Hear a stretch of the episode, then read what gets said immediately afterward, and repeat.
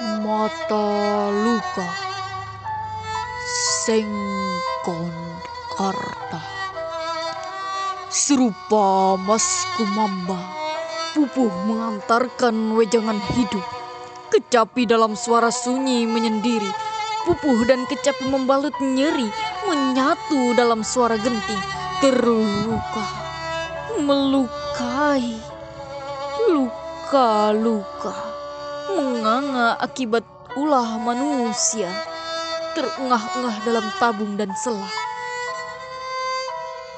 Aku, seorang petani Bojong Sari, menghidupi mimpi dari padi yang ditanami sendiri. Kesederhanaan penutan hidup dapat untung dilipat di tabung. 1974 tanah air yang kucinta berumur 29 tahun. Waktu yang muda bagi berdirinya sebuah negara. Lambang Garuda, dasarnya Pancasila, Undang-Undang 45 merajut banyak peristiwa. Peralihan kepemimpinan yang mendesak Bung Karno diganti Pak Harto dengan dalih keamanan negara. Pembantaian enam jenderal, satu perwira, enam jam dalam satu malam. Mati di lubang tak berguna, tak ada dalam perang Mahabharata bahkan di sejarah dunia, hanya di sejarah Indonesia. Pemusnahan golongan kiri, PKI wajib mati, pemimpin otoriter, repelita, rencana pembangunan lima tahun, bisa jadi rencana pembantaian lima tahun. Di tahun-tahun berikutnya, kudapati penembak misterius, tak ada salah, apalagi benar, tak ada hukum negara, pembantaian di mana-mana, diburu sampai got, dor di mulut, dor di kepala, diikat tali, dikapani karung, penguasa punya tahta yang tak ada bisa diada-ada. Akulah sengkon yang sakit. Berusaha mengenang setiap luka di dada, di punggung, di batuk yang berlapis tober kelokis malam Jumat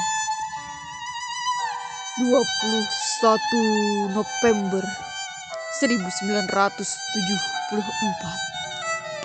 setiap malam Jumat Yasin dilantungkan dengan hikmat bintang-bintang berzikir di kedipannya suara-suara binatang melengkingkan pujian untuk Tuhan Istriku masih mengenakan mukena, mengambilkan minum dari dapur. Di kejauhan, terdengar warga desa gaduh. Ya, adil saja si keluarga rampok itu. Usir saja dari kampung ini. Bakar saja rumahnya. Betul. Di lubang bilik. Ada banyak obor dan petromak menyala teriakan tegas. Saudara Sengkon, saudara sudah dikepung abri. Kalau mau selamat, menyerahlah. Saudara sudah tidak bisa kabur. Istriku kaget.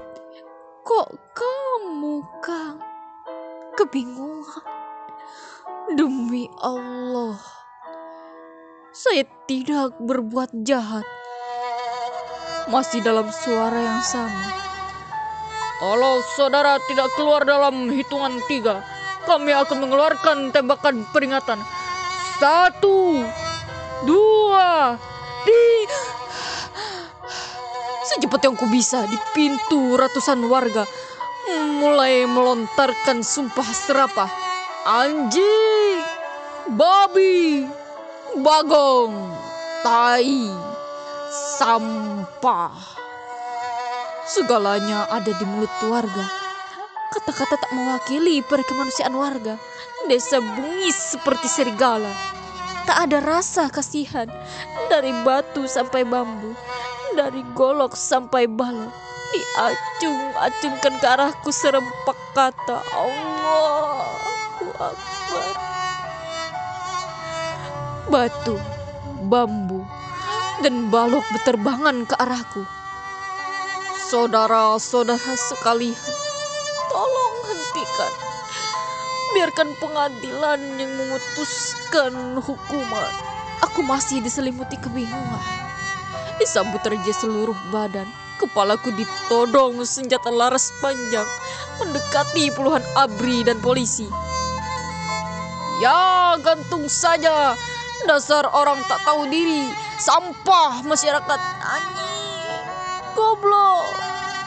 Dulur aing pe gara-gara sia anjing. Duh. Dak.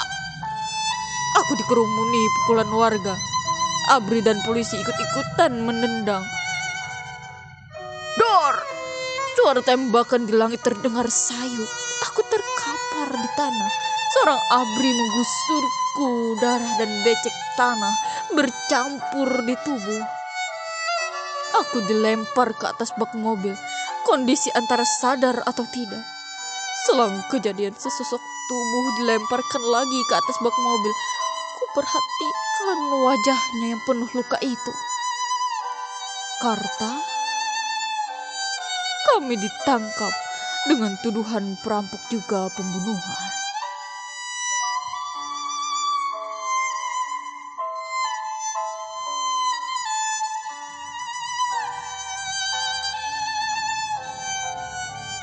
Sengkon Karta yang berjudul Mata Luka dibacakan oleh saya, Nimo Rindu.